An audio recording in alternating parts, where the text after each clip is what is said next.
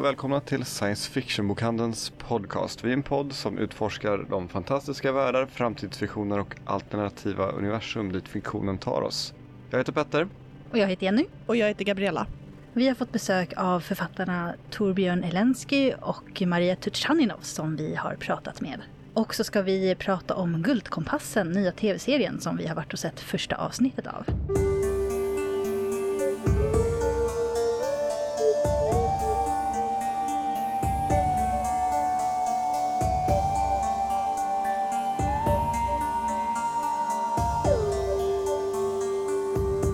Gabby, händer det något kul i våra butiker? Ja, nu är ju julen på väg så det blir lite mindre event än vanligt. Men det är inte jul riktigt än. I november, den eh, 9 i Stockholm och den 17 i Malmö så kommer Mats Strandberg och Sofia Falkenhem för att signera sin adventsbok. Adventsbok? Ja, det är en bok för barn som innehåller ett kapitel man läser varje dag. Så när man ätit sin lilla chokladbit och öppnat radiokalendern eller vilket man vill så kan man då läsa ett kapitel. Och det är den helt sanna julsagan om kentauren som ville hem. Ha. Som är en äventyrsberättelse om en liten vilsen kentaur som utspelas i samma värld som Mats Strandbergs jättepopulära varulvsbok för barn. Han är väl mer en varhund, en varvalp. Men eh, det, det verkar vara en jättesöt julbok och de kommer hit och till Malmö och det blir ja, lite pyssel och signering och prat och jag tror verkligen det blir mysigt att lyssna på. Eh, sen kommer vi också i december ha förmodligen den sista signeringen för året. Den 9 december signering av boken om Alga som är Orvar Sjöström, Jimmy Wilhelmsson och Ika Johannessons stora bok om det här klassiska familjespelsföretaget Alga. Just det, Försvunna Diamanten och alla... Finans och bondespelet och hela de där. Så, ja, jag all... tror att vi alla haft någon av de ja, spelen. Eller så har man i alla fall så besökt någon som har den på sommarstugan. Precis. Men det här är då stora fina bilder och storyn bakom spelen och företaget, varifrån kom de och allting. Så det blir signering mitt i julhandeln. Ja, spännande. Men, eh, ska vi börja med Guldkompassen? Ja, det tycker jag. Vi var ju och såg eh, första avsnittet på en eh, förhandsvisning, det första avsnittet av tv-serien. Men den är ju baserad på en bok. Ja, och tv-serien heter ju Historic Materials och inte Guldkompassen. Det, det, är lite olika namn där på, på olika utgåvor, men eh, när man lyssnar på det här avsnittet då tror jag den kommer att ha börjat sändas, eller ja, hur? Precis. För den går ut 4 november på HBO Nordic. Ja, 4 november. Sen är jag osäker på om det är en sån där där de släpper allt i en klump eller om de släpper ut avsnitten en de och en. De släpper ett avsnitt i veckan. Ett avsnitt och i veckan. Och åtta avsnitt totalt, om ja. jag inte minns helt fel. Som ska vara motsvarande den första boken. Precis. Men det är Historic Materials är väl namnet på serien. Sen är det Den Golden Compass, The Subtle Knife och men när det här avsnittet sänds, då kommer första avsnittet ha kommit upp på HBO Nordic, för 4 november är det premiär. Sen är jag osäker på om det är en sån där där de dumpar hela serien på en gång, eller? Uh, det är ett avsnitt per vecka. Och totalt åtta avsnitt uh, ja. har jag för mig. Som motsvarar första boken. Och den heter alltså Northern Lights när den kom ut allra första gången, men sen har den hetat The Golden Compass i Nordamerika och Guldkompassen i Sverige och jag tror att alla pratar om dem som Golden Compass och Guldkompassen. Bok två, som då antagligen blir nästa säsong, är The Subtle Knife och bok tre är The Amber Spyglass.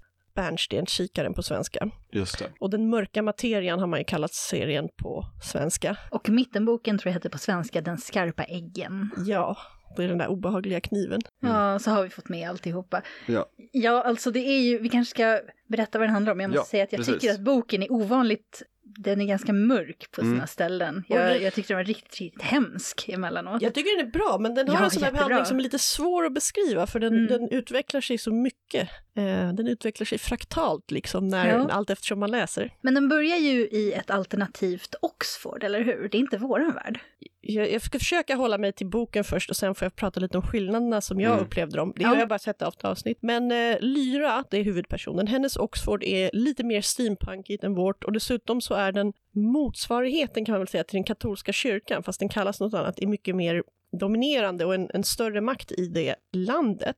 Just det. Och det kan vi säga att länderna är ju inte heller alls de samma i hennes värld. Inte ens kartorna. Jag tittade rätt noggrant på den karta man ser i filmen och man är så här, men det, är Europa-ish. Men det är lite som att titta på en sån här karta från typ 1700-talet. Man bara, ja, ah, det, det, där ska ju vara Sverige, men vad, vad har hänt med kustlinjen? Någon som höftade, typ satt och kollade upp med lite ögonmått sådär. Ja, man känner igen ord som, som är så här, lite annorlunda. Ja, de är ju i kungariket Lappland vid något tillfälle har jag Precis. för mig. Mm. Ja. ja, det handlar mycket om, om eh, Norden, riktigt, riktigt långt norrut. Men eh, det börjar ju med att Lyra som är ett barn, hon har uppfostrat av akademikerna på Oxford för att hennes farbror lämnade henne där när hon var ett spädbarn. Hon har fått höra att hennes föräldrar har gått bort i en olycka. Eh, och sen kommer den här farbrorn tillbaks, Lord Asriel, från en expedition till ja, Lappland, Nordpolen där, riktigt långt norrut. Jag tror det är, vad är det, Spetsbergen eller något? Där han har hållit på att fotografera norrsken och också människor med en specialkamera som kan uppfatta damm eller stoff.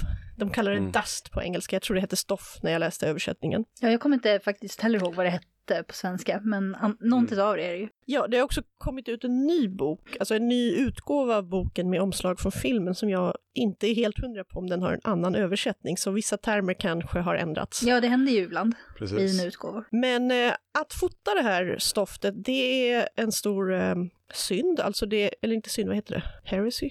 Uh, kätteri. Ja, det är grovt kätteri. Mm. Och det är sånt som man, jag vet inte om de bränner folk på bål i den världen, men man försvinner i alla fall långt bort i någon så här djup vatikansk fängelsehåla. Och dessutom har han fotat något ännu värre. Han har nämligen i norrskenet sett en stad som består av stoft. Och det är så första avsnittet och också början av boken börjar. De har ju lagt upp det lite olika dramaturgiskt så att man ska, man följer väl Lyra närmare skulle jag säga i boken eftersom man är inne i hennes tankar mm. och det är lite mer actionstart. Och den är berättad ur ett jag-perspektiv, eller boken? Nej. Nej eh, jag skulle kanske till och med säga att det finns två huvudpersoner ja. i boken.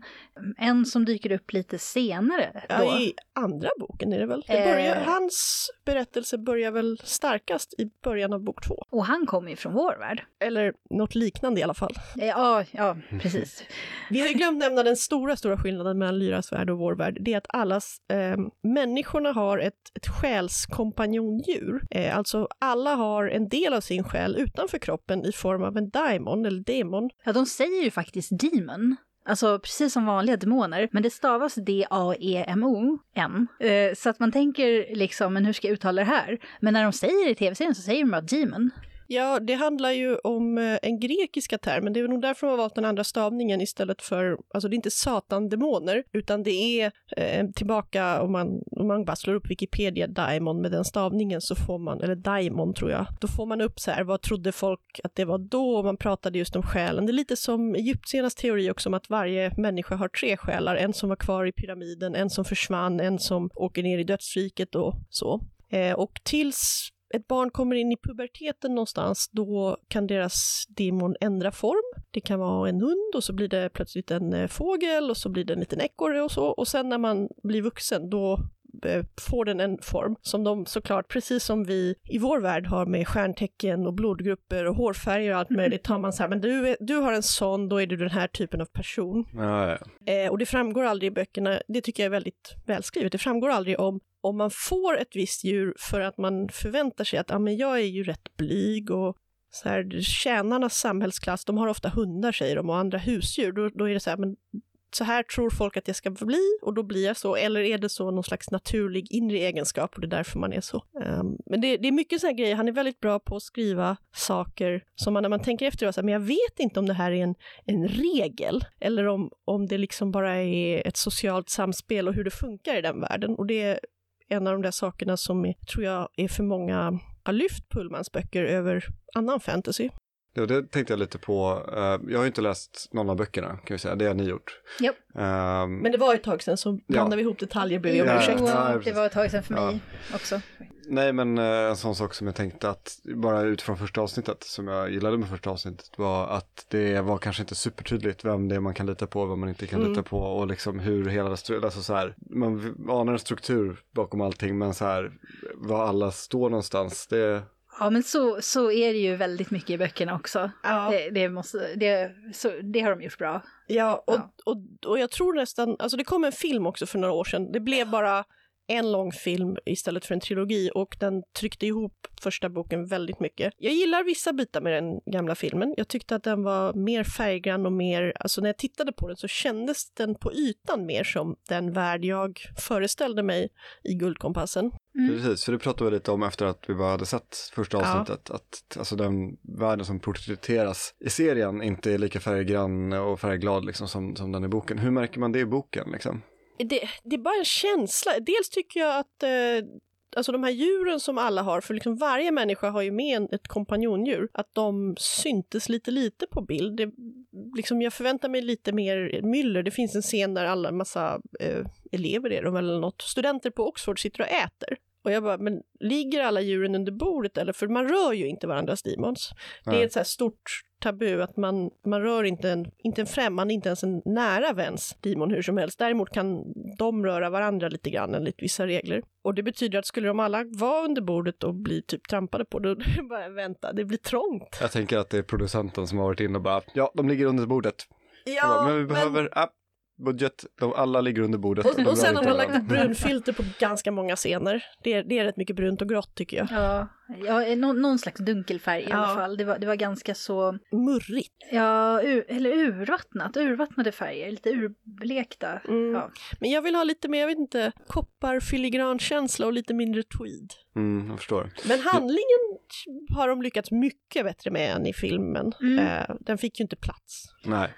Nej, den följer så vitt jag kan avgöra boken väldigt nära. Ja, ja. och filmen som kom för några år sedan, den, eller några år sedan, jag tror att det är, den kom Ganska 2007. Många år sedan. Ja. Så att det är 13 år sedan, 12 år sedan. Uh, ja, det går så det är ett tag sedan, men uh, den var väl två timmar eller något sånt där, den var inte mycket längre än så. Nej, som två och en halv kanske. Liksom. Ja. ja. Och ja, nu är det åtta liksom. Och ja. då kan man ju verkligen liksom, saker och ting får andas och verkligen liksom ha den naturliga ja.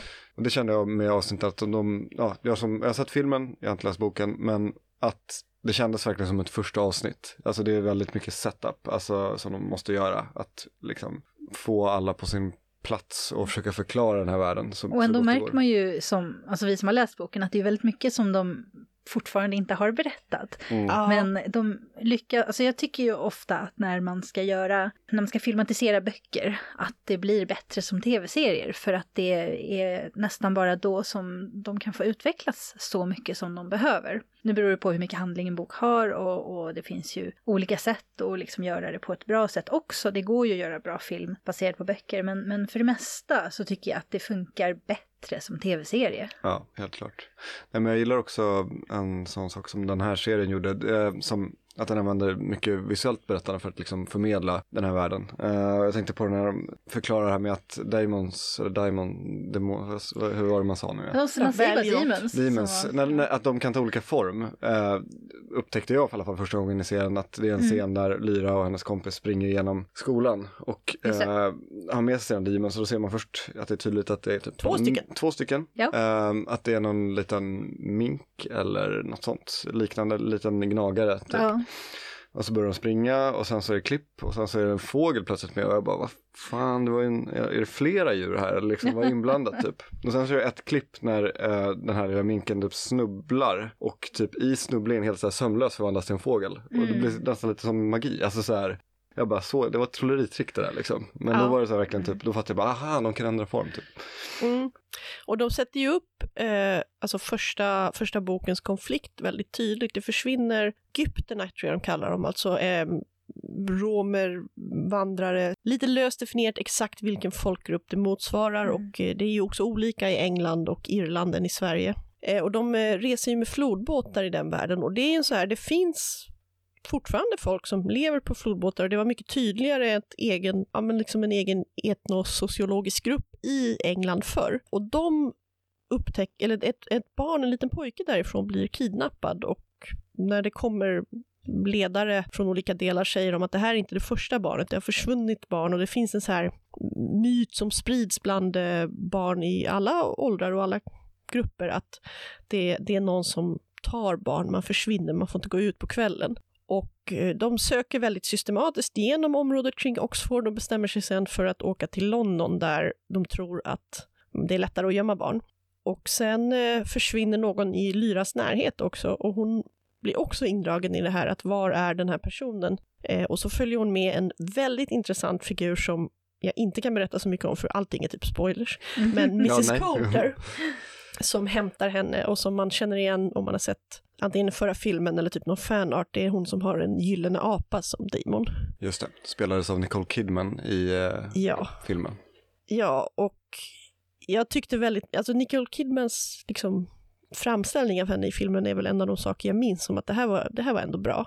Men det är intressant här också, för om man vet vem det är så ser man detaljer som, som liksom visar framåt, som jag Spännande. Tycker jag är tror att finstämda. vår kollega Nina kan ha spoilat lite för mig eh, Mm. innan i förbifarten utan att tänka efter och jag försöker glömma bort det. Men Ja. jag, jag kan, om det är det hon sa så fattar jag precis vad du snackar om. Men eh, de åker i alla fall iväg också till London i avsnitt ett, så det är så långt vi kommer. Vi liksom lämnar Oxford.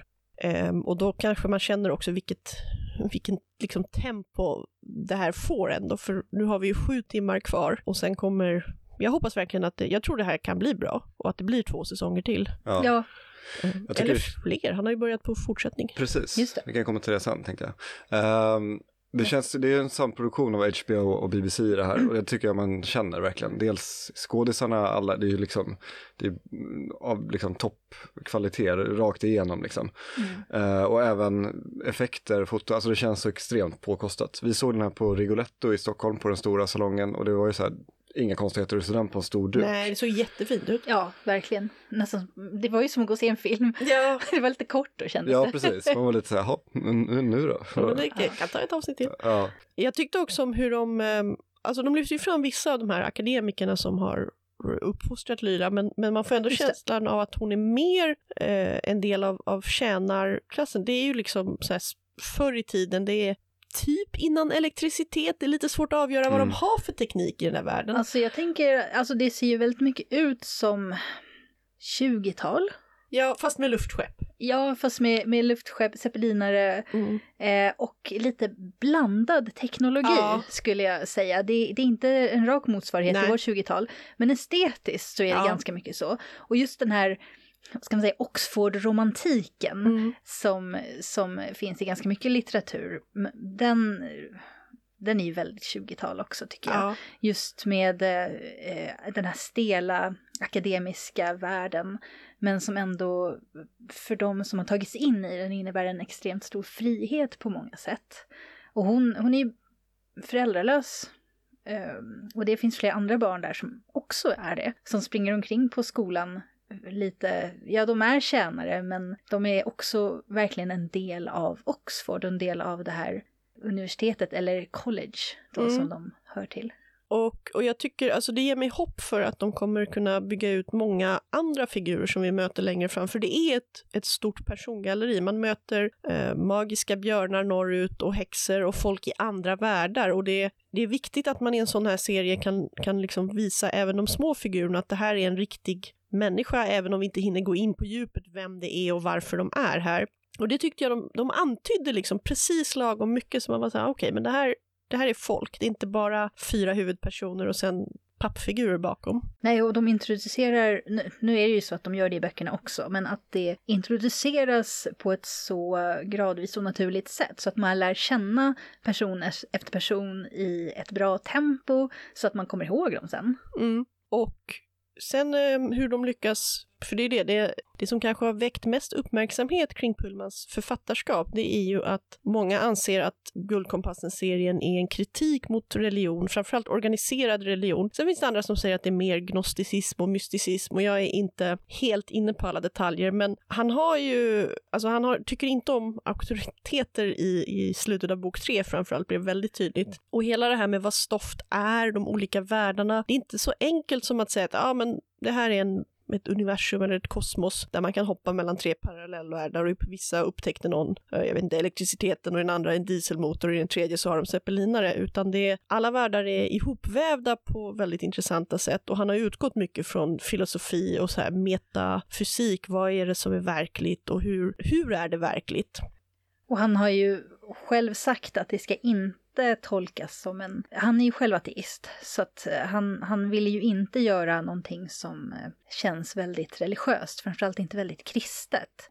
Och en sån tolkning har han väl mer eller mindre sagt att nej, det var inte det jag tänkte, utan det här är mer liksom en, eh, ja men som du säger, en, en kritik mot det här systemet med en väldigt auktoritär kyrka. För det, de är ju, alltså jag tycker redan om man bara tittar på första avsnittet att eh, ja, en, en extremt stor organisation som bestämmer vad folk får tycka och tänka känns ju redan som från början inte som ett så här jättesympatiskt eh, organ i samhället. Nej, och det måste jag säga, det kommer inte jag ihåg från boken, för de pratar om att den kontrollerar hela världen. Jag var så här, gjorde de det? Jag trodde det var bara Europa. Eller men de kanske, men jag, jag minns inte hur Nej, inte jag heller, kyrkan. måste jag erkänna. Eh, jag kommer bara ihåg att de var en väldigt starkt ja. dominerande, förtryckande kraft. Eh, men eh, de reser ju inte över precis hela världen. Nej. Och det gör ju att man inte liksom får se hur det ser ut i andra delar av världen och vad som hänt där. Utan de är liksom, de är i England och de är norr, norrut. Mm i Europa eller liksom motsvarigheten Svalbard. Ja men precis. Så det är de delarna som man får se. Mm. Sen har han ju skrivit då en uppföljare, en uppföljartrilogi där det hunnit komma ut två böcker. Just det. Mm. Lyras resa hette den första och del två mm. kom alldeles nyss och de har inte jag hunnit läsa. Men nej, nej, inte jag heller. de kollegor som har läst dem tyckte om dem. Ja, ja precis. Heter serien då, eller det ska bli en ny trilogi då, antar jag? Ja. Och den heter La Belle Sauvage, är det så? franska. Ja.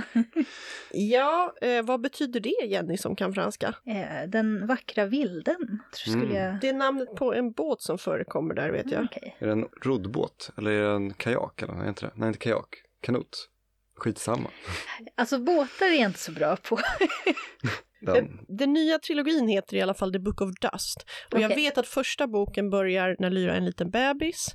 Eh, så man får inte läsa den om man inte har läst den första trilogin, för då tror jag man blir jättespoilad för så viktiga grejer. Mm. Sen den bok två skulle utspelas ungefär mm, mer eller mindre parallellt med originalserien och bok tre som inte är utgiven än, den skulle då gå efteråt. Jag kollar, ja, bok två så är Lyra 20, så då tänker jag att det är en, ett tag efter. Nu ja, vet jag inte hur långt eh, Nej, den, då är det efteråt, sig, men, eh, efter den slutar. Men eh, det ligger på så här, att läsa-listan. Ja, ja, jag känner ju bara spontant, nu är jag så här frustrerad för nu har jag den här serien och jag vill läsa boken och jag läser väldigt långsamt så att jag kommer ju aldrig hinna men du kan ju börja läsa första boken ja, eh, på svenska, då går det fort också. Ja, jag inte... märkte ju det att eh, jag läser ju typ fem gånger snabbare på svenska än på engelska. Ja. Eh, märkte jag häromdagen när jag skulle läsa en bok på svenska och det tog typ... Det ja, det tog en kväll och jag var så, här, mm, så går det att läsa på sitt modersmål, det mm. är lättare. Vad var det du läste då? Ja, det kan jag ju berätta för att nu eh, är det så att jag också har träffat författaren. Jag läste Eldungen av eh, Torbjörn Elensky och det, är, det var en alldeles fantastisk bok.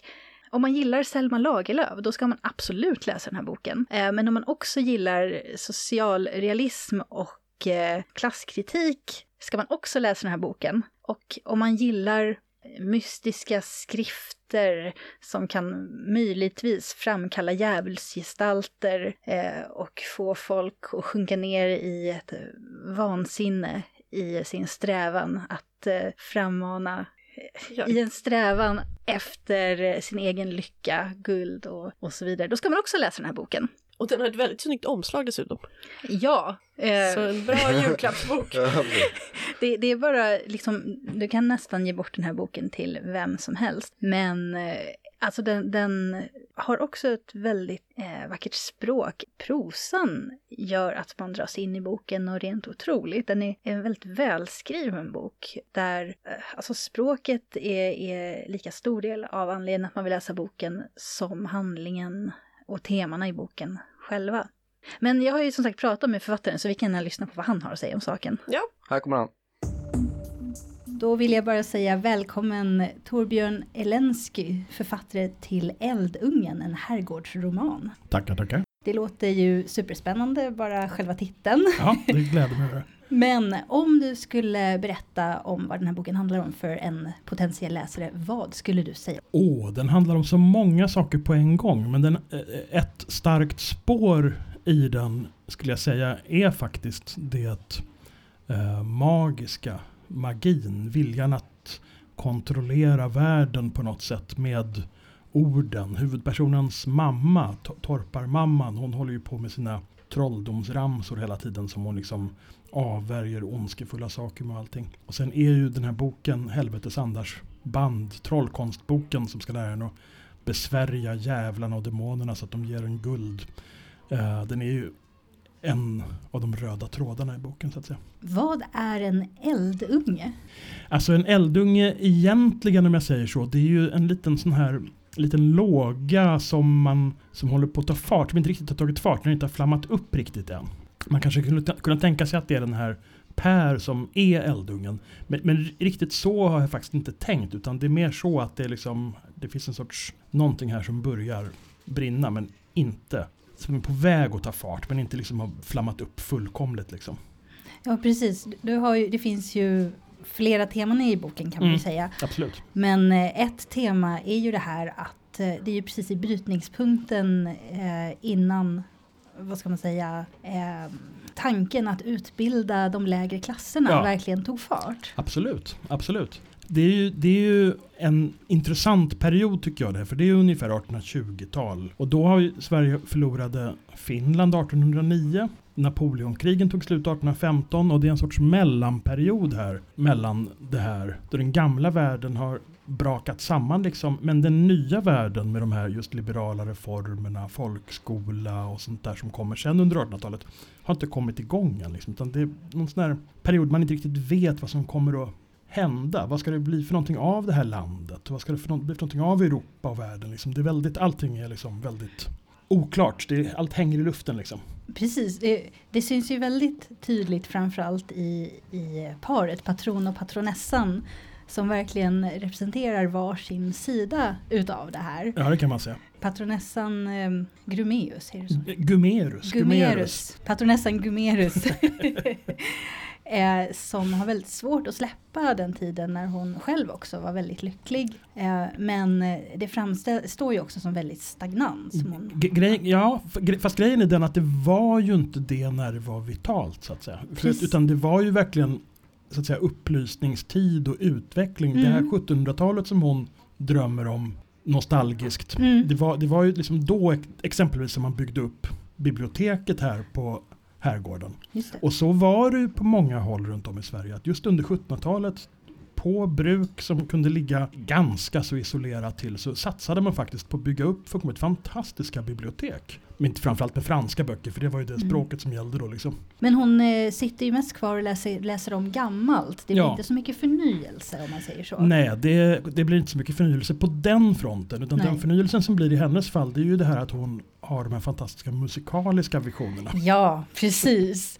Alltså, vi ska inte avslöja kanske hur... Avslöja lite men inte för mycket. Jag vet inte hur mycket man ska avslöja. När man får såna här trailers på YouTube säger visar de ju alla explosioner alltid. Det ska man kanske inte göra. Nej, nej, för då behöver man inte se filmen sen. Nej, precis. Men det kulminerar ju i en, väl, i en helt fantastisk scen kan jag ju säga. Hur mycket förändras personerna i den här boken av händelserna? För, för jag tänkte framför allt ja. det man ser då mellan eh, det här paret som har varit så långt ifrån varandra ja. i hela boken så kändes det ändå som att eh, det blev en slags eh, förlösning ja. dem emellan. Ja, det blev en sorts förlösning fast det verkade som en katastrof. Ja. För det, det sägs ju i början så förstår man, de diskuterar och de är nästan ovänner för att hon vill ju byta ut sitt klavikord. Ja. Ett gammaldags, väldigt sådär ljudsvagt äh, klaverinstrument. Mm. Hon vill byta ut det mot ett modernt pianoforte som ska mm. låta ordentligt med fantastiska strängar man kan dra på och sånt där. Och patron då i sin tur, patron Gumerus, hennes man,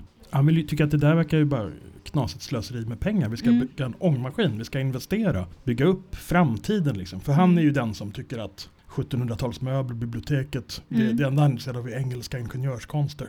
Ja, han är ju lika engelspårig på sitt absolut, sätt. Liksom. Absolut. Han ser bara eh, en aspekt av verkligheten. Absolut, absolut. Men så är väl folk ganska ofta? Ja, det kan nog stämma. Jag vet inte, men, men i alla fall får de ju vara det i romaner tycker jag. Liksom. Ja. ja, men eh, det får ju temat att framstå liksom väldigt tydligt. Och den här besöket han får sen då utav Lord. Ja, baro, baronen, ja, precis. Baron Lagerkrona. Precis, Baron Lagerkrona. Så man känner liksom hur vågtoppen närmar mm, sig. Ja. Ja, som sagt, jag ska inte säga det mer, men det var, jag säger det är verkligen väl värt att läsa. Ja, det gläder, det gläder mig att höra. Grejen, grejen med den här med, med baronen är att när han mm. kommer, han förenar ju i sig allt det som både patronen och patronessan och allihop drömmer om. För han är ju, dels är han ju väldigt fin eftersom han är baron. Mm. Och så har han varit och bott utomlands länge, han har varit i England. Och England då, det måste man tänka, alltså England efter Napoleonkrigen, det är som USA efter andra världskriget. Mm. Det är världens absolut rikaste och mest utvecklade högteknologiska land. De, de, de har en rikedom som inte finns i närheten av någon annanstans. Liksom. Folk var uppfyllda av beundran för det här och ville imitera det här på alla sätt. Liksom. Och kulturellt också. Kulturellt också, absolut. Vilka är då alla de här personerna? Som säger, är de eh, baserade på verkliga personer? Delvis är de ju naturligtvis litterära personer om jag säger så. För att jag menar, Mm. det finns det går inte att komma undan att, att eh, jag beundrar, jag tycker Selma Lagerlöf är fantastisk. Ja, Hon är, ja. hon är ju en, en förebild också som storyteller. Jag kommer inte ihåg vem det var som föraktfullt kallade henne för sagotant. Men det är ju strålande att vara en sån genial sagotant. Det skulle jag gärna vara också. ja, ett ett livsmål. Eller hur, varför Ja. inte? Men jag menar det finns ju även, även det finns andra svenska författare eh, från tiden. Alltså Carl Jonas Love Almqvist. Med hans Mm. fantastiska skildringar också av mycket sådär lite av, av fantaster just. Av människor med stora drömmar och vansinniga Mm. planer och lite mystiska figurer. Tintomara. Eh, Claes Levin. Det, kan, det finns en bok av honom som heter Spader Dam, Spaderdam, som är fullkomligt fantastisk. Och den har nog, alltså, det vet tusan inte, Patron i den här är ganska inspirerad av Patron i den boken ärligt talat. För att han är just så här lite grötmyndig och, Ja. och ehm, tycker själv att han är väldigt manlig och, och storslagen Mm. på alla sätt. Liksom. För att knyta an lite till de här äldre författarna så Mm. de var ju absolut inte rädda att ha med saker som var oförklarade Nej, i nej. sina böcker. Nej, nej, Och det är ju inte du heller. absolut inte. Vem är denna mystiska knalle? Eller hur mycket kan du säga om honom Det egentligen? här, jag tycker det här är en sån intressant grej för att ingen recensent och ingen har någonsin frågat om det. Jag undrar om de tycker han är, ja, jag tycker att det är jättekonstigt för han är ju uppenbarligen helt central Ja, som figur. ja, verkligen. Eh, och han är ju den som driver, han, han är den som gör så att Per kommer till livet, eller hur? Ja, För han, han är ju dödfödd, Dödfödd, men han visst. föds, återföds liksom genom, också genom trollformler och sånt. ja visst. Ja, han återkommer ju flera gånger. Det är han som eh, säljer, eller vad man nu ska Ja. säga, den här boken Ja. till, till prästen. Ja, allt detta kan jag ju, eller vill jag ju inte heller förklara i detalj. Fast det finns ju en hel del ledtrådar. Det är ju till exempel så att han faktiskt aldrig kommer in någonstans utan att mycket noga be om lov att få komma in först. Just det. Ja. Eller hur? Och så är det ju med, med- alla vet att det är som med vampyrer. Mm. Men ja, så är det ju även med jävlar, Mefistofeles liksom. Om man bjuder in dem, Precis. då kommer de. Så Då får att- de makt över den. då får de makt över den. Och, och det är ju precis, det är ju ett annat sorts, om jag säger så, tema i boken. När pastorn och patron pratar i början Mm. så säger pastorn lite på skämt sådär, ja ja, se upp, du vet att alla får vad de önskar sig. Och det får de ju. Men inte på det sätt som de så att säga skulle ha velat ha det nödvändigtvis. Det fanns ju framförallt en scen som är väldigt spännande Mm. mot slutet där man är liksom så här Ska det hända? Ska det inte hända? För då, då kan jag bara säga det, för då, för då, vi kan ju säga så mycket som att den här knallen, ja, den kringvandrande handelsmannen liksom, han säger ju det att de här formlerna, de är ju ingenting. Det räckte med att du ville. för jag- tänkte på det också att um, Torparfrun i början Mm. också, hon hade ju ingen bok. Hon hade Nej. ju sina egna formler, Ja. men det var ju formler som hon mer eller mindre hade Mm. tänkt ut själv och Mm. upprepade. eh, mer som ett mantra eller vad man Ja, ska ja säga. men som olika, som olika mantran, absolut, Ja. absolut, absolut. Eh, jo men hon kör, kör ju sånt jättemycket. Jag Mm. kan faktiskt, det finns ju en väldigt bra bok Mm. av Bengt av Klintberg, Svenska trollformler, som jag skamlöst använder mig av. Och inte bara lyfte ut utan även för att förstå principen för det. För det finns Mm. väldigt mycket, alltså det finns väldigt mycket av den här typen av trollformler som så att säga liknar eh, nästan en sorts tung, tungomålstal liksom. Mycket, mycket sådana där ra- ramsor som är såhär klingel, klangel, plingel, plangel, Mm. dang, dong, bing, bong. Alltså ungefär som, också som skolgårdsramsor. Det är liksom Ja. samma typ av eh, eh, språkliga lekande som finns både i de här trollformlerna och i, eh, ja som jag sa, skolgårdsramsor och, och liknande grejer. Men den här boken då, den här skriften Ja. som också är så central, vad, vad är det för någonting?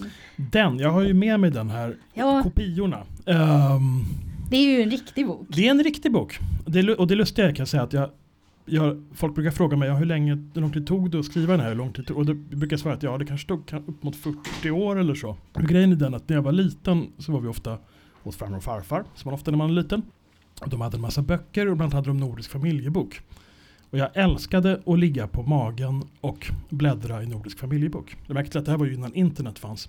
Men det funkar ju som internet så att man kunde läsa en liten sån här notis om någonting och så står det se även. Mm. Och så lä- bläddrar man vidare fram och tillbaka och tar den ena boken efter den andra. Precis som att förlora sig bland Wikipedia-artiklarna. det är exakt så, Ja, exakt så ja, visst. faktiskt. Och då kom jag in, som man lätt gör i 10, 11, 12 års ålder någon gång, på att slå upp magi, svartkonst, trollkonster, svartkonstböcker och saker. Och var helt, läste med håret på ändan de här fantastiskt konstiga sakerna som fanns. Och så hittade jag där, det fanns en referens till en bok som kallades Helvetes andarsband. Som finns då på Kungliga bibliotekets handskriftsavdelning. Och första gången jag kopierade den, när jag då var 20 och pluggade och kunde få gå till Kungliga biblioteket och hämta sådana grejer, så gick jag dit och kopierade den. Dyrt som tusan, men det var det värt tyckte jag. Och så tog jag hem den. Och så tänkte jag, vad ska jag göra med den? Jag vet inte vad jag ska göra med den. Det är nästan omöjligt att läsa för sidorna är så kladdiga liksom. Och så, så småningom så tappade jag bort den där. Och sen då för då ett antal år sedan, när jag tänkte igen att Hmm, det skulle vara kul att skriva något sånt här. Något sånt här som jag har skrivit nu, Eldungen. Och då tänkte jag, jag ska använda mig av den där. Och så gick jag tillbaka till Kungliga biblioteket igen och kopierade hela jäkla boken igen. Igen. Ja, för att det finns, det, det är någonting som är fascinerande med den. Alltså den här boken eh, är en variant av en sorts bok som cirkulerade i hela Nordeuropa under 1600-1700-talet och in, till, in på 1800-talet. Och som ofta påstods vara, som var eller påstods vara av Dr. Faustus. Jaså? Den store lärde mannen och trollkarlen. Som finns omskriven i en folkbok från 1500-talet som är fantastiskt rolig. I en pjäs av den engelska 1600-tals, 1560-talsdramatikern uh, Christopher Marlowe. Ja, Och så är det inte den versionen som de flesta kanske känner till? nej, det, jag, nej, det är nog Goethes version som är den riktigt Goethes kända. version är det nog. För det, ja. för det är där allt det där mest kända finns med pudeln som kommer in. För att Ja. djävulen kommer in som en pudel. Och så när han, pudeln vill komma in över tröskeln, han säger kom in då, kom in. Ja. Och sen när pudeln har kommit över tröskeln så förvandlar den sig till Mefistofeles, Mm. djävulen. Och då säger Faust, aha, så det var pudelns kärna. Aha, Därifrån kommer det roliga uttrycket också. därifrån kommer det. Ja, eh, men de, här- de, här, de här avskrifterna de cirkulerar alltså runt hela Nordeuropa i alla fall. Mm. Protestantiska länder. Och det fanns jättemycket idéer kring de här böckerna bland folk. Alltså det fanns folkliga föreställningar i Sverige som jag vet inte hur länge, men jag tror ända in början på 1900-talet så fanns det idéer om att prästerna i kyrkan, Svenska kyrkan, Mm. de använde inte den riktiga bibeln. Jaså? Nej. Inför församlingen. Utan de hade en riktig bibel ofta gömd, antingen i altaret eller i prästgården. Mhm. Och den boken innehöll, den bibeln innehöll sjätte och sjunde Mosebok. Aha, det är alltså den boken som du håller upp nu, som vi måste beskriva. Den heter eh, eh, Moses, den svarta bibeln. Den svarta bibeln, Mose- sjätte och sjunde Mosebok. Det är också en variant där att man lär sig alla de här hur man ska trolla, alltså allt Ja. från hur man ska bota småsår till hur man ska besvärja fram demoner som gör en rik och sånt där. Det är liksom både högt och lågt. Men eh, vad innehåller den här boken? Eh, Alltså den fascinerar ju två personer framförallt då, Mm. i, i din bok. Mm. Och det är ju eh, prästen Sveneus. Ja, Svenneus. Sveneus som eh, inte ignorerar men som är oförmögen att handla när hans egen fru och två, Mm. hans egna två barn drunknar. Ja, Och sen flyr då uppåt landet och sen Mm. kommer boken i, i eh, den här unge Pers ägo Ja. då senare och han blir ju lika fascinerad han. ja. Eh, Men vad är det som gör att de blir så förtrollade av den här boken? Alltså det, jag tror ju Har de någonting gemensamt också med varandra eller? Det är ju svårt att veta men någon sorts märkligt band verkar det ju finnas där. Det är, ju- det är ju konstigt att Per stjäl boken av prästen. Men prästen blir liksom, precis som han blir paralyserad och inte räddar sina söner och sin hustru när de drunknar. Så han, blir han säger ju aldrig ifrån Nej. Per om boken. Utan det är någonting som gör att han blir liksom paralyserad av det där. Han tycker att det är lockande och fascinerande och samtidigt liksom väldigt otäckt. Grejen är den att den här Helvetes Andarsband, den är ju en avskrift av en avskrift av en avskrift av en avskrift av någon som inte riktigt förstår allt den har skrivit av. Uh, så att väldigt många av de här namnen och orden är konstigt stavade. Man kan känna igen att det är hebreiska tecken det ska vara. Mm. Det ska vara liksom magiska tecken som man brukar kalla för Wittenbergs bokstäver. Ja, vad är det för någonting? Vi kanske ska förklara Ja, vad... det är en, var en universitetsstad där många, också svenska präster studerade då efter reformationen, Mm. 15, 16, 17-tal liksom. Mm. Eh, Och apropå folkliga föreställningar så tänkte man sig också att de lärde sig där att flyga hit och dit och, och sådana där saker. Liksom. Alltså det finns de mest otroligt knasiga idéer. Alltså. Ja. Eh, Men det som fascinerar i boken, jag tror att det som fascinerar är, och, och egentligen det som fascinerar med magi överhuvudtaget, den här liksom önskan att, naturligtvis att hitta genvägar i någon mening. Det är väldigt, det är väldigt mycket, alltså väldigt mycket handlar ju av den här magin handlar ju om manipulation av Mm. språket, precis som de där ramsorna.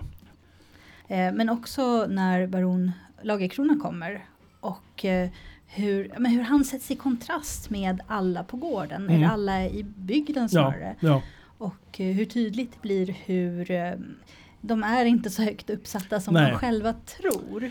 Det är ju, nej men eller hur, det är, det är om man ska se en sorts klassaspekt i det hela Mm. är ju det. För att så länge de är själva där, då är patron och patronessan och de är jätteviktiga och Mm. går runt där och allting. Men när då baron, och inte bara baron utan hans brorson som Just har lärt sig att bygga ångmaskiner i England Ja, och eh, baronens butler som är sån här elegant svartklädd, säkert exklusivare kläder än något av herrskapet i herrgården.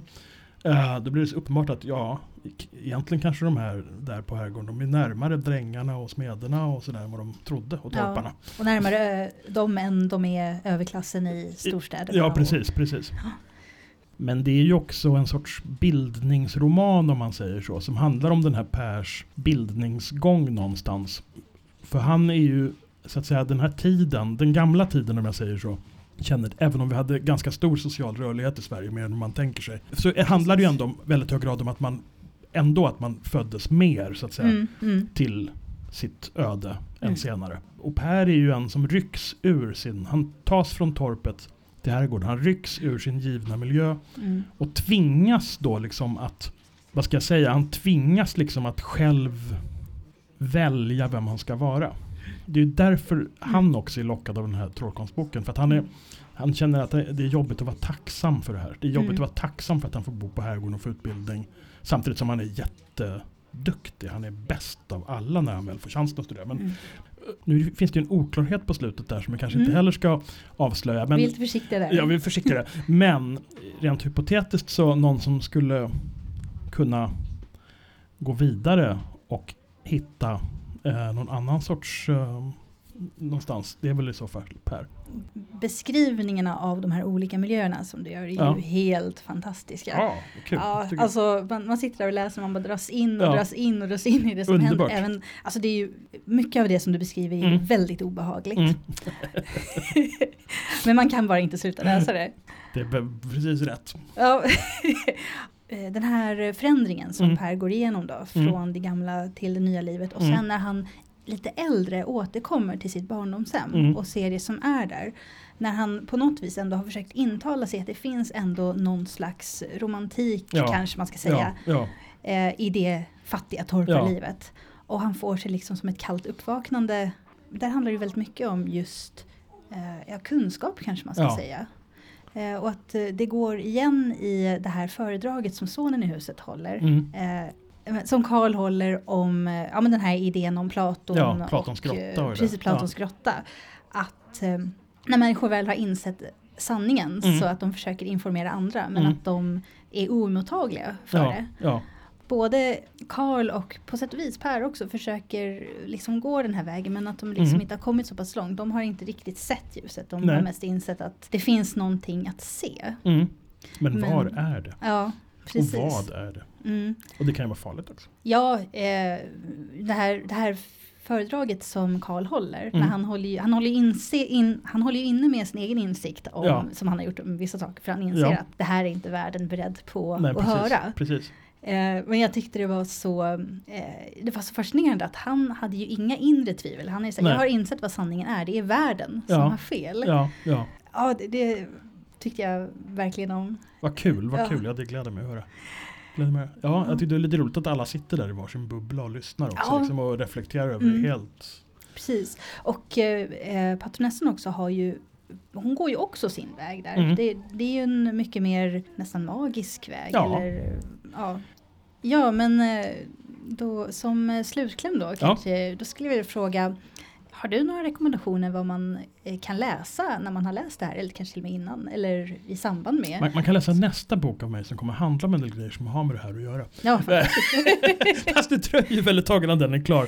Ja. Nej men ehm, alltså till exempel så är det ju roligt om man vill läsa Claes Levin. Han är värd att läsas. Han är fullkomligt fantastiskt knasig. ja, men eh, då säger jag tack så mycket för att du ville komma till oss och prata. Tack för att jag fick komma. Ja, eh, det var jag som eh, bokade in besöket här i bokhandeln och det utgick jag från både beskrivningen av boken och eh, omslaget, för jag är svag för sånt. Nej men ehm, sen när jag läste så här beskrivningen, jag bara det här, det här är Jennys område, det är hon som ska prata med den här författaren. Också för att Ja. jag inte skulle hinna läsa den. Och nu när jag lyssnat på bitar av ert samtal så tänker jag att jag ska ta och så här, norpa den av dig för att läsa. Ja, det, den var, jag kan knappt berömma den nog, jag tyckte väldigt mycket om den boken. Omslaget är för övrigt eh, gjort av, eh, av en person som är lite Lovecraft-fan. Mm. Så ja, det, jag tycker också... Och det är stilrent. Vi har, ehm, vi ska väl egentligen inte dissa saker vi har, men vi har en bok eh, nu som heter The Necronomnomnom, som är en Okej. kokbok inspirerat av Lovecraft. Och, alltså jag gillar idén, Ja. även om det uppenbara namnet hade ju såklart varit Necronomnomnomicon, Mm. Ja, som också är vad internetmimen typ heter. Men Ah. det är lite, jag vet inte, det är lite mycket guld och, och flärd. Jag var så här, var är, var är svärtan? De här stora Mm. Lovecraft-samlingarna vi har annars, eh, vi har ju både en men svart med guldtryck och så har vi en grå med så här tentakler på. De är mer stilrena. mm, mm. Det är Ingenting av varken te- tentakler eller... Nej, den är mer som så här guldsigill och det är liksom en replika av en gammal fancy typ bibel eller någonting. Mm. Eh, om ni har sett de här bilderna på de där jätte, jättedyra handgjorda Tales of Beedle the Bard som så J.K. Rowling satt ihop själv med juveler på, så är det fast i tryck och relief. Och det är, inte, det är inte fult, jag bara tycker att det är inte riktigt vad jag vill ha ur en Lovecraft-bok. Jag vill ha lite mer, du vet, svartnat människoskinn-känslan. Om man kan gå och göra det med någon kokbok så är det ju en uh, Lovecraft Ja. kokbok kan man tycka. Så kan Den liksom och. Hannibal-boken. Ja, precis, Ja. exakt. Den köpte jag. Mm. Men eh, det är inte den enda författaren som har varit och hälsat på hos oss. Nej, precis. Eh, vi hade mycket för oss den här veckan, kan jag tala om. Och eh, vi fick också besök av den finlandssvenska författaren Maria Turchaninov, eller Turchaninov, jag är lite osäker på hur man uttalar det, men det var vår kollega Sofia som pratade med henne. Ja, och Sofia har pratat sig varm för hennes böcker väldigt länge och ehm, Anledningen till att Maria var i Sverige var för att hon var nominerad till Nordiska rådets barn och ungdomslitteraturpris, tror jag det heter. Nu vann hon inte, utan en dansk barnbok vann, men eh, att vara nominerad där, då har de ju plockat av hela den nordiska liksom, utgivningen och hon vann också nyligen ett pris i Finland för årets bästa fantasybok för serien eh, Krönikan eller Krönikorna om det röda klostret. Jag har ju läst en av de böckerna, eh, nämligen det, den boken när Maresi kommer till det röda klostret och blir utbildad där då. Och sen, det är i slutet på den boken som hon åker tillbaks till sin hemtrakt och där hon då vill starta en skola. Men jag, har, jag läste då boken som handlar om hennes uppväxt och den är väldigt bra. Den förtjänade priset som den har fått. Den kunde även lätt ha vunnit eh, Nordiska rådets pris tycker jag. Den var faktiskt riktigt otroligt bra. Och också en bok som jag tycker att eh, man kan absolut läsa den som vuxen utan Ja, att det känns... Precis det jag skulle fråga. Ja. Men det funkar Ja. alltså? Ja, den är, den är en sån där, alltså som Pullman också, som typ nästan genras in som barnbok, men det är den första, en av de väldigt få barnböcker som innehåller väldigt mycket gnosticism. Eh, men den är ju så här på översta, översta gränsen av young adult egentligen, skulle jag säga. Och den tredje delen, den som hon var nominerad för nu, det var ju då breven från Maresi och hon Mm. pratade lite i det i samtalet att eh, det är en brevroman för att den första innehåller så mycket när Maresi skriver de här krönikorna. Hon ville ha kvar den rösten, hon ville inte byta till liksom jag-perspektiv eller Mm. något. Men då kanske vi ska ta och lyssna på det samtalet då, så får alla Mm. andra också höra vad hon har sagt. Och välkommen vill SF-bokhandeln säga till, hjärtligt välkommen till och med till Maria Turchaninov, den finländska författarinnan som skrivit Krönikor från Röda klostret, Arra Anarché och Nu senast den här tredje delen i krönikorna som heter Breven från Maresi. Välkommen hit Maria Turchanino. Tack så mycket. Jag heter Sofia Flodin och jobbar på SF-bokhandeln. Jag är väldigt, väldigt glad att Maria har kommit hit idag. För vi är ganska många här på bokhandeln som har upptäckt vilket intressant författarskap det här är. Och vi vill väldigt gärna se att flera av våra kunder hittar hennes böcker och fördjupar sig i den världen. Stort grattis vill jag säga till Kuvastaja-priset, säger man så? Kuvastaja. Ja. Kuvastaja, ja. för Ja. årets bästa finländska fantasybok. Är Kuvastaja det finska Tolkiensällskapet, förstår jag det Ja, då? det, är- det är deras eh, pris för, för inhemska fantasyroman. Ja, jättekul. Eh, deras motivation säger att det var en väldigt fin motivering att berättelsen speciellt tangerar läsförmågans och utbildningens betydelse. Det tyckte jag om väldigt mycket, för så är det verkligen i breven från Maresi. Maresi kommer ju tillbaka till sin hemby. Hon väljer att lämna systerskapet vid klostret på ön Menos och återvända till sin barndoms nordliga trakter i Rovas. Och hennes ursprungsidé är att hon ska, hon ska starta en skola och undervisa i läsning och skrivning. Ja, hon, hon, eh, den, den, där, den första romanen slutar med att Maresi bestämmer sig för att kunskap inte är någonting värt om den bara bevaras i ett kloster, utan att den, den är värd någonting först när den används. Eh, och sen kommer den här märkliga mellanromanen som inte har någonting med, Naundel. med Maresi att göra, Naundel, som är en, en, en prequel. Och eh, i breven från Maresi då så uh, återvänder Maresi hem till sin hemby och sin hemtrakt full av eh, 17-åringens självförtroende och känsla av att hon vet nu hur allt ska göras. Och hon ska, hon ska komma och grunda den här skolan och, och sprida kunskap och lära dem hur, hur det är där hemma i den där lilla hålan. Uh, och sen uh, visade det sig då att det inte är riktigt så lätt som hon hade tänkt sig och uh, att det finns också för i början tycker hon att hon har all kunskap som är värd något, men hon får så att säga lära sig att det finns annan sorts kunskap och sån kunskap som inte går att lära sig i böcker. Ja, livet i Rovas det är en stor kontrast till hennes liv i det röda klostret. Och det, det lär hon sig ju ganska fort och börjar komma ihåg hur det var när hon var barn. För hon var bara nio när hon lämnade hembyn, eller hur? Ja, Hon kommer tillbaka som 17-åring.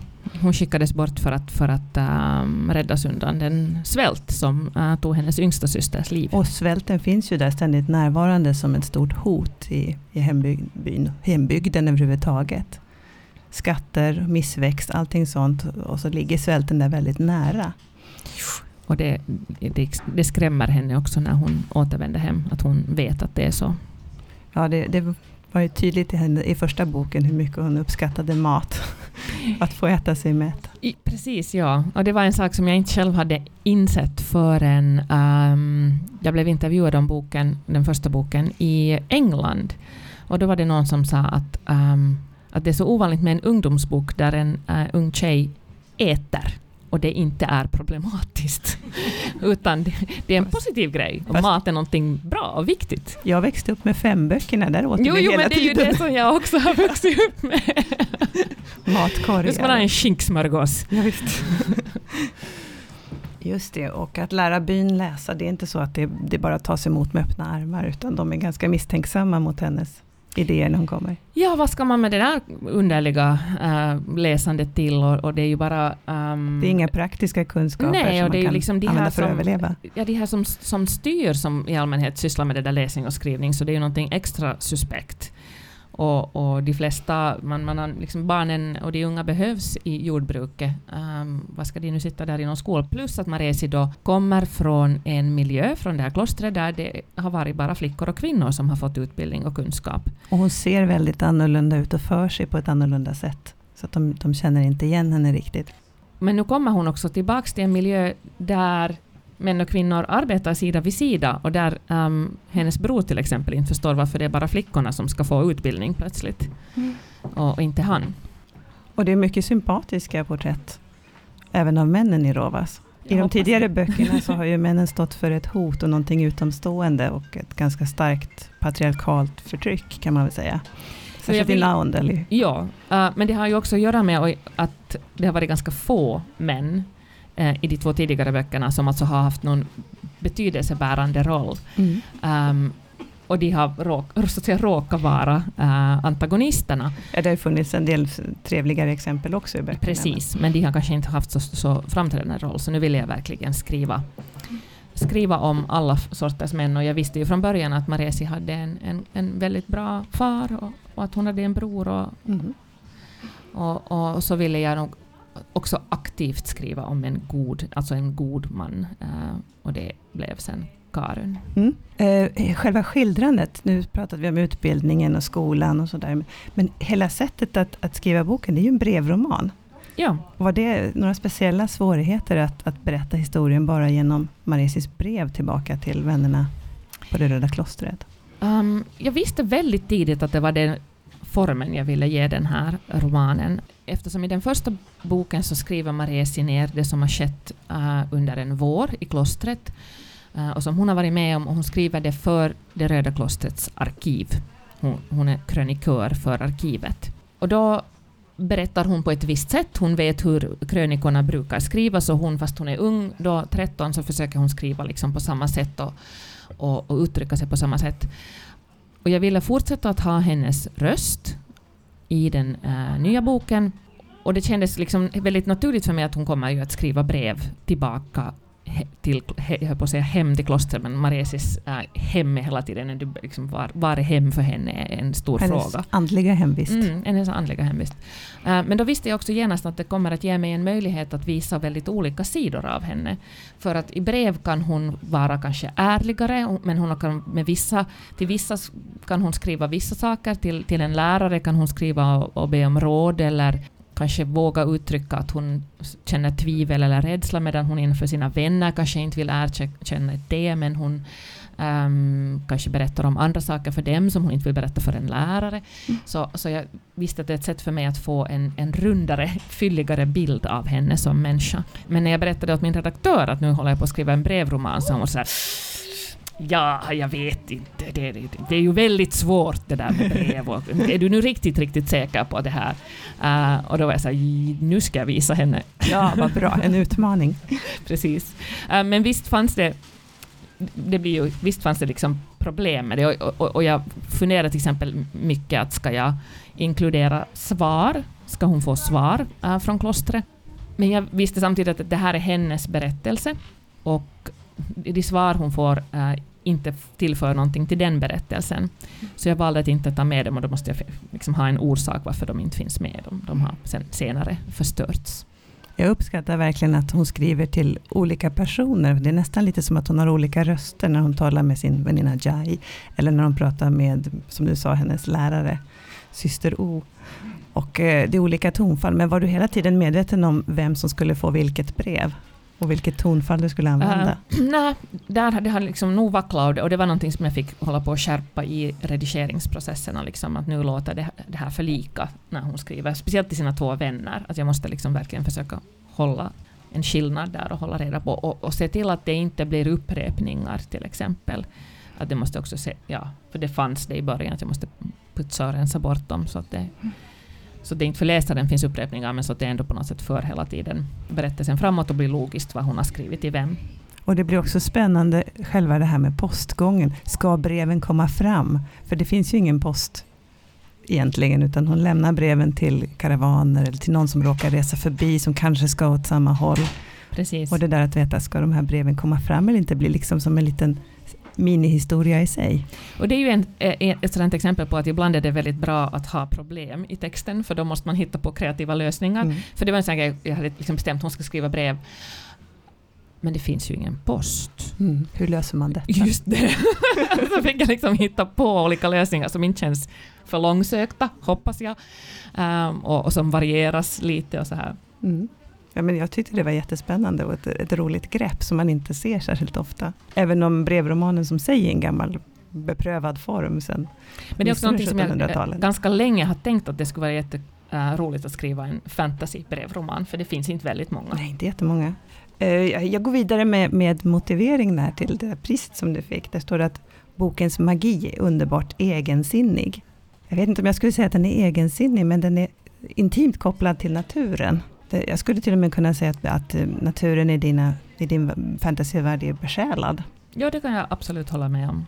jag är ju så jättedålig på um, sådär planering. Um, så, så det mesta föds liksom i, medan jag skriver och det gör att um, när jag bygger ett universum, ett fantasy-universum bok för bok, så, så kanske jag ibland sitter och funderar att hur ska jag nu liksom motivera åtminstone för mig själv hur det här magisystemet fungerar, för det finns liksom inga färdiga regler på Nej. förhand eller så här.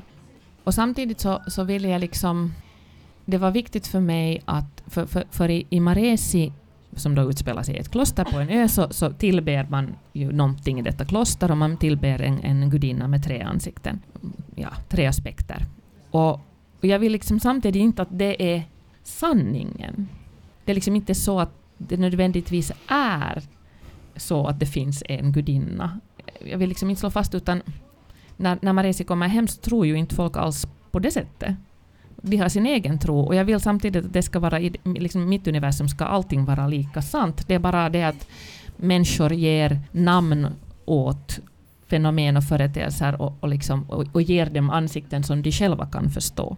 Mm. och som de själva kan relatera till. Att det är liksom, poängen är att det ska vara samma sak egentligen. Och det är också någonting som Maresi liksom får inse. Är klimat och natur det är viktigt för dig överhuvudtaget? Det känns väldigt som att det genomsyrar den här världen. Ja, och det, det är jätteroligt att du um, nämner det, för att det är någonting som jag tycker att är lite konstigt nästan, att det inte har tagits upp väldigt mycket kring mina böcker. För, mm. för mig är det jätte, jätteviktigt, att, och det är liksom en stor del av mig. Um, och jag har studerat humanekologi i Göteborg i fyra år, så, att, så att det är någonting som genomsyrar, liksom, tror jag, allting som jag gör. För ofta så är det ju inte en yttre fiende, utan ofta är det ju klimatet själv. Det är stormar, det är missväxt som vi pratade om och svält. Det är sånt som är de verkligt stora hoten. Och speciellt kanske in, inte så mycket i, i de här krönikorna, men i, men i Anarché så är det ju liksom frågan om balansen mellan människa och natur. De säger vidare i den här motivationen för priset som du fick, det feministiska temat är starkt. Och jag, jag gillar att de säger det i en bisats.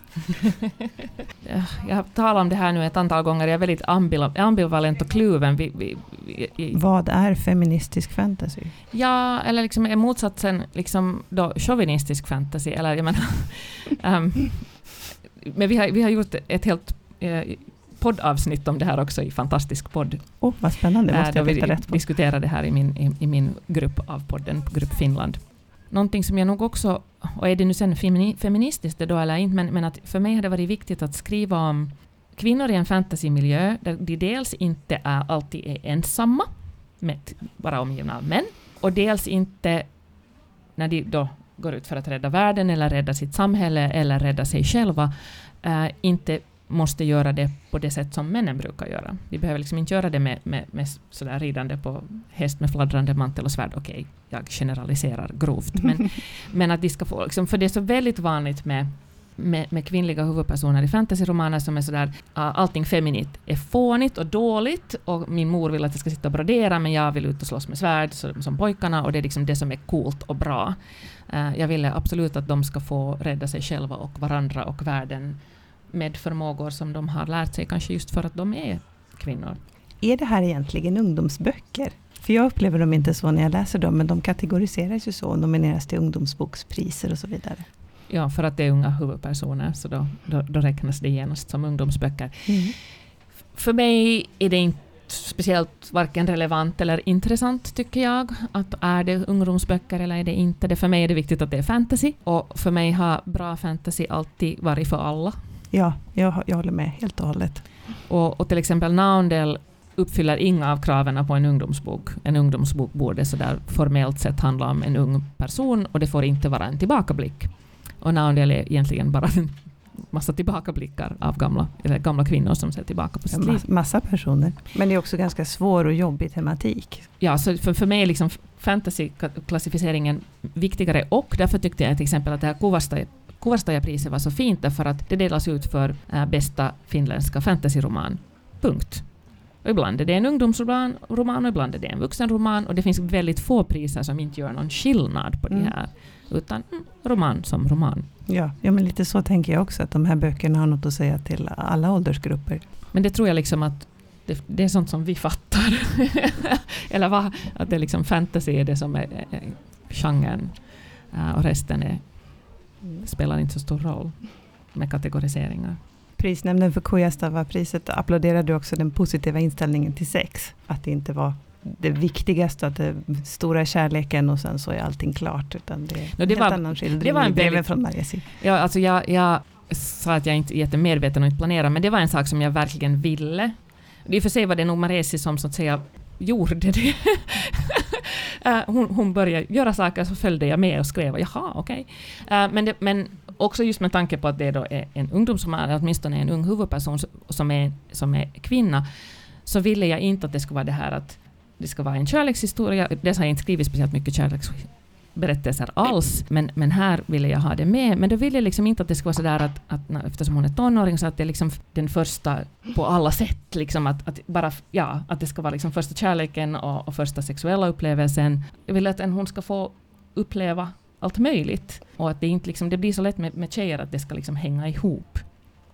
Ja. Och jag ville bryta mot det. Det här är min, den bok där jag har hämtat inspiration minst långt bort ifrån, om man kan säga så krångligt. Um, det vill säga den är väldigt uh, nordiskt Mm, influerad. Och här har det ju inte varit. Om man, alltså om man går längre tillbaka i tiden så har det ju, det har ju inte varit så himla tabu. Det har inte varit så förbjudet. Det har inte med, liksom med utomäktenskapligt Mm. ex- äktenskapliga relationer för, för de unga till exempel. Det var, Midsommarfiranden i hagen och så vidare. Ja, och det här med liksom med, med flickorna sov på logen på sommaren och fick Mm. besök och sånt. Så, så det kändes därför också naturligt. Ja. Och att det också i det här samhället som hon sen kommer till och befinner sig i, så är det inte skamligt Mm. och fel.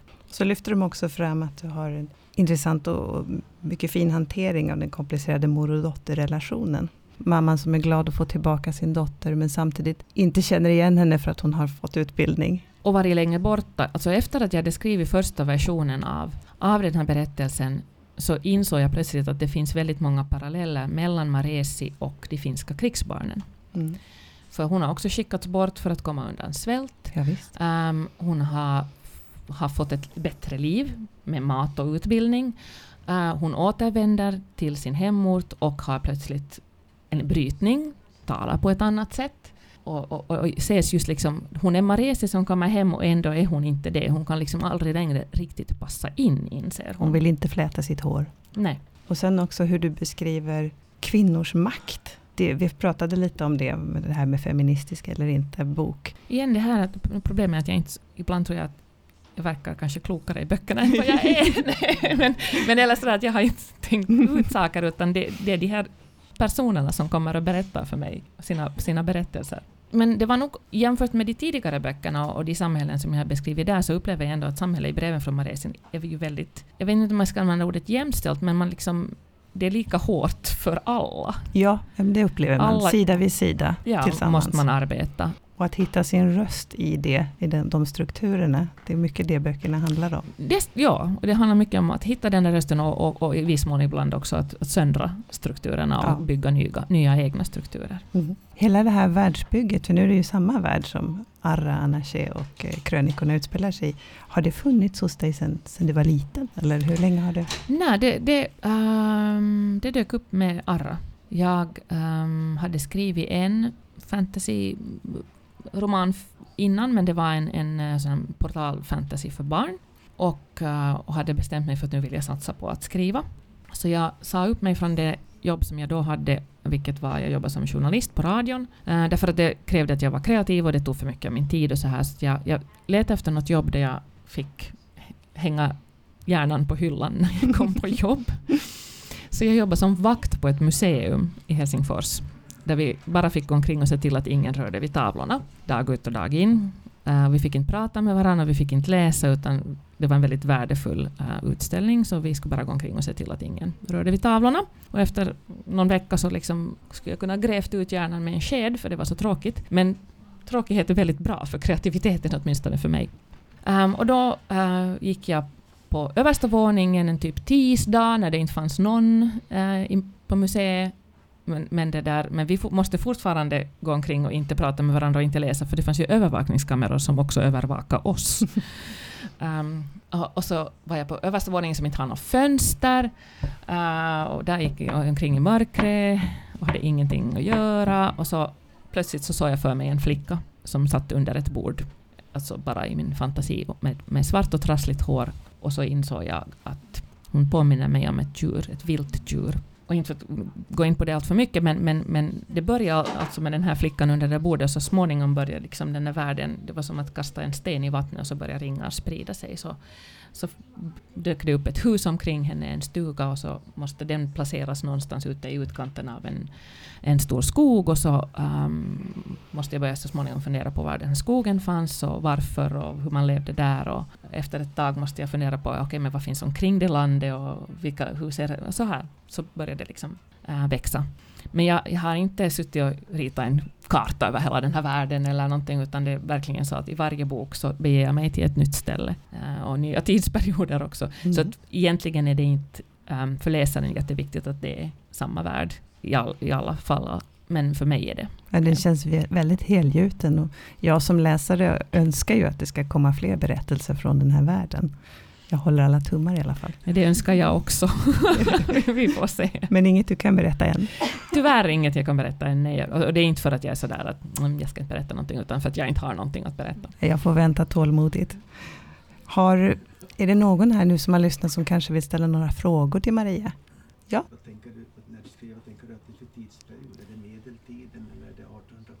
Frågan är alltså vilken tidsperiod de här böckerna utspelar sig i. Om det är en medeltidsfantasy eller mera 1800-tal eller var det utspelar sig. Ja, eftersom det inte är vår värld så kan jag liksom inte riktigt svara på men nu är det ju en sorts kvasimedeltida lite. Um, och så försöker jag lite tänka att eftersom de faktiskt uh, omspänner flera hundra år, alltså den tidigaste uh, är nog Arra och breven från Maresi är den uh, senaste liksom i, i, tiden, så då har jag tänkt att det kanske ändå börjar inte nu närma sig kanske sådär.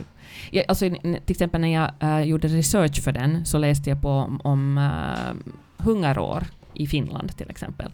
Och bland annat också 1600-talet. Jag säger inte att det är 1600-talet i den här boken, det är så, nog inte så avancerat ännu. Men, men det är för industriell tid ja. i alla fall. Det var en bra summering, tack. ja, eh, enda som jag var nyfiken på att veta, det var dina litterära influenser. Vilka inspirerar dig? Vilka har du läst och tycker är bra inkörsporter till fantasy? Uh, när jag läste som barn så var ju typ allt som jag läste fantasy, men jag använde aldrig det ordet eller kände inte till det. Um, och det var, det var ju mycket, det var barn, barn uh, fantasy romaner som, som um, Ursula Le Guin och nej, vad säger jag, det var det inte alls. Diana Wynne Jones menar jag. Ja. Uh, och Susan Cooper och Lloyd Alexander mm. och den finlandssvenska författaren uh, Irmelin Sandman Lilius mm. uh, som var den som efter att ha läst alla de här anglosaxiska uh, och Mikael Ende från, från Tyskland mm. um, så, så när jag läste hennes böcker så, så var det en sån här, men man kan skriva fantasy på svenska i Finland med flickor i huvudrollerna. Mm. Jaha, okej. Okay. Så för mig var hon jätteviktig. Liksom. Uh, och sen naturligtvis senare också Tolkien och, och, och, som vuxen är det nog absolut uh, Ursula Le Guin då, som jag försökte namedroppa för, för snabbt, um, som, som har liksom lärt mig mest om till exempel hur man bygger en värld utan att egentligen ha byggt den där världen. Och du ville så väldigt gärna att det skulle vara fantasy. Hur kom det sig? Men det är där jag bor. Ja, jo men jag, jag förstår, jag, jag bor ju här.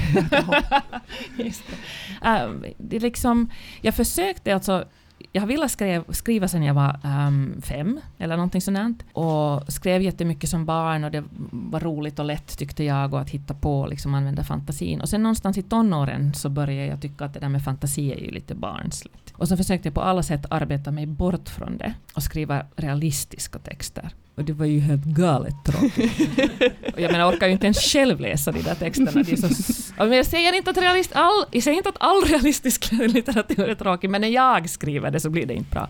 Därför att det inte var mitt hem. Mm. Uh, utan jag försökte vara någon som jag inte är. Mm. Och sen var det en process för mig att liksom hitta tillbaka till min... Det som kändes äkta? Ja, min ursprungliga kärlek. Mm. Och det var först liksom när jag började, för jag var också så väldigt länge så fokuserad på att jag vill bli författare, jag vill skriva böcker, uh, att jag försökte för mycket. Uh, att det var först när jag liksom började skriva för att, för att det var roligt och inte tänkte på att nu, nu ska någon läsa det här. Så då började jag till med, tillåta mig själv att, att, att skriva fantasy, eller att släppa in fantasy-element i mina texter och då blev det plötsligt ju roligt igen. Ja, men stort tack Maria Turchaninov för att du kom hit och pratade om ditt författarskap. Tack för att jag fick komma.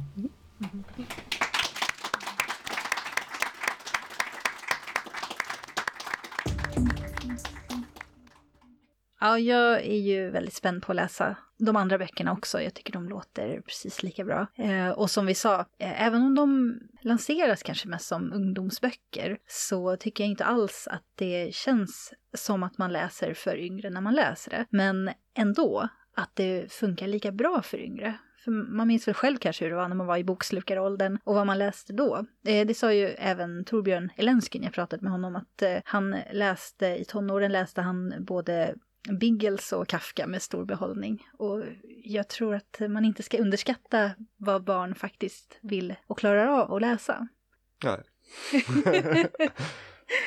Nej, jag har, jag har också skaffat, jag har skaffat första eh, kröniken om Röda klostret-boken, så jag hoppas hinna ge mig på den snart. Jag kommer typ snart falla under det lutande boktornet av olästa PISA-böcker.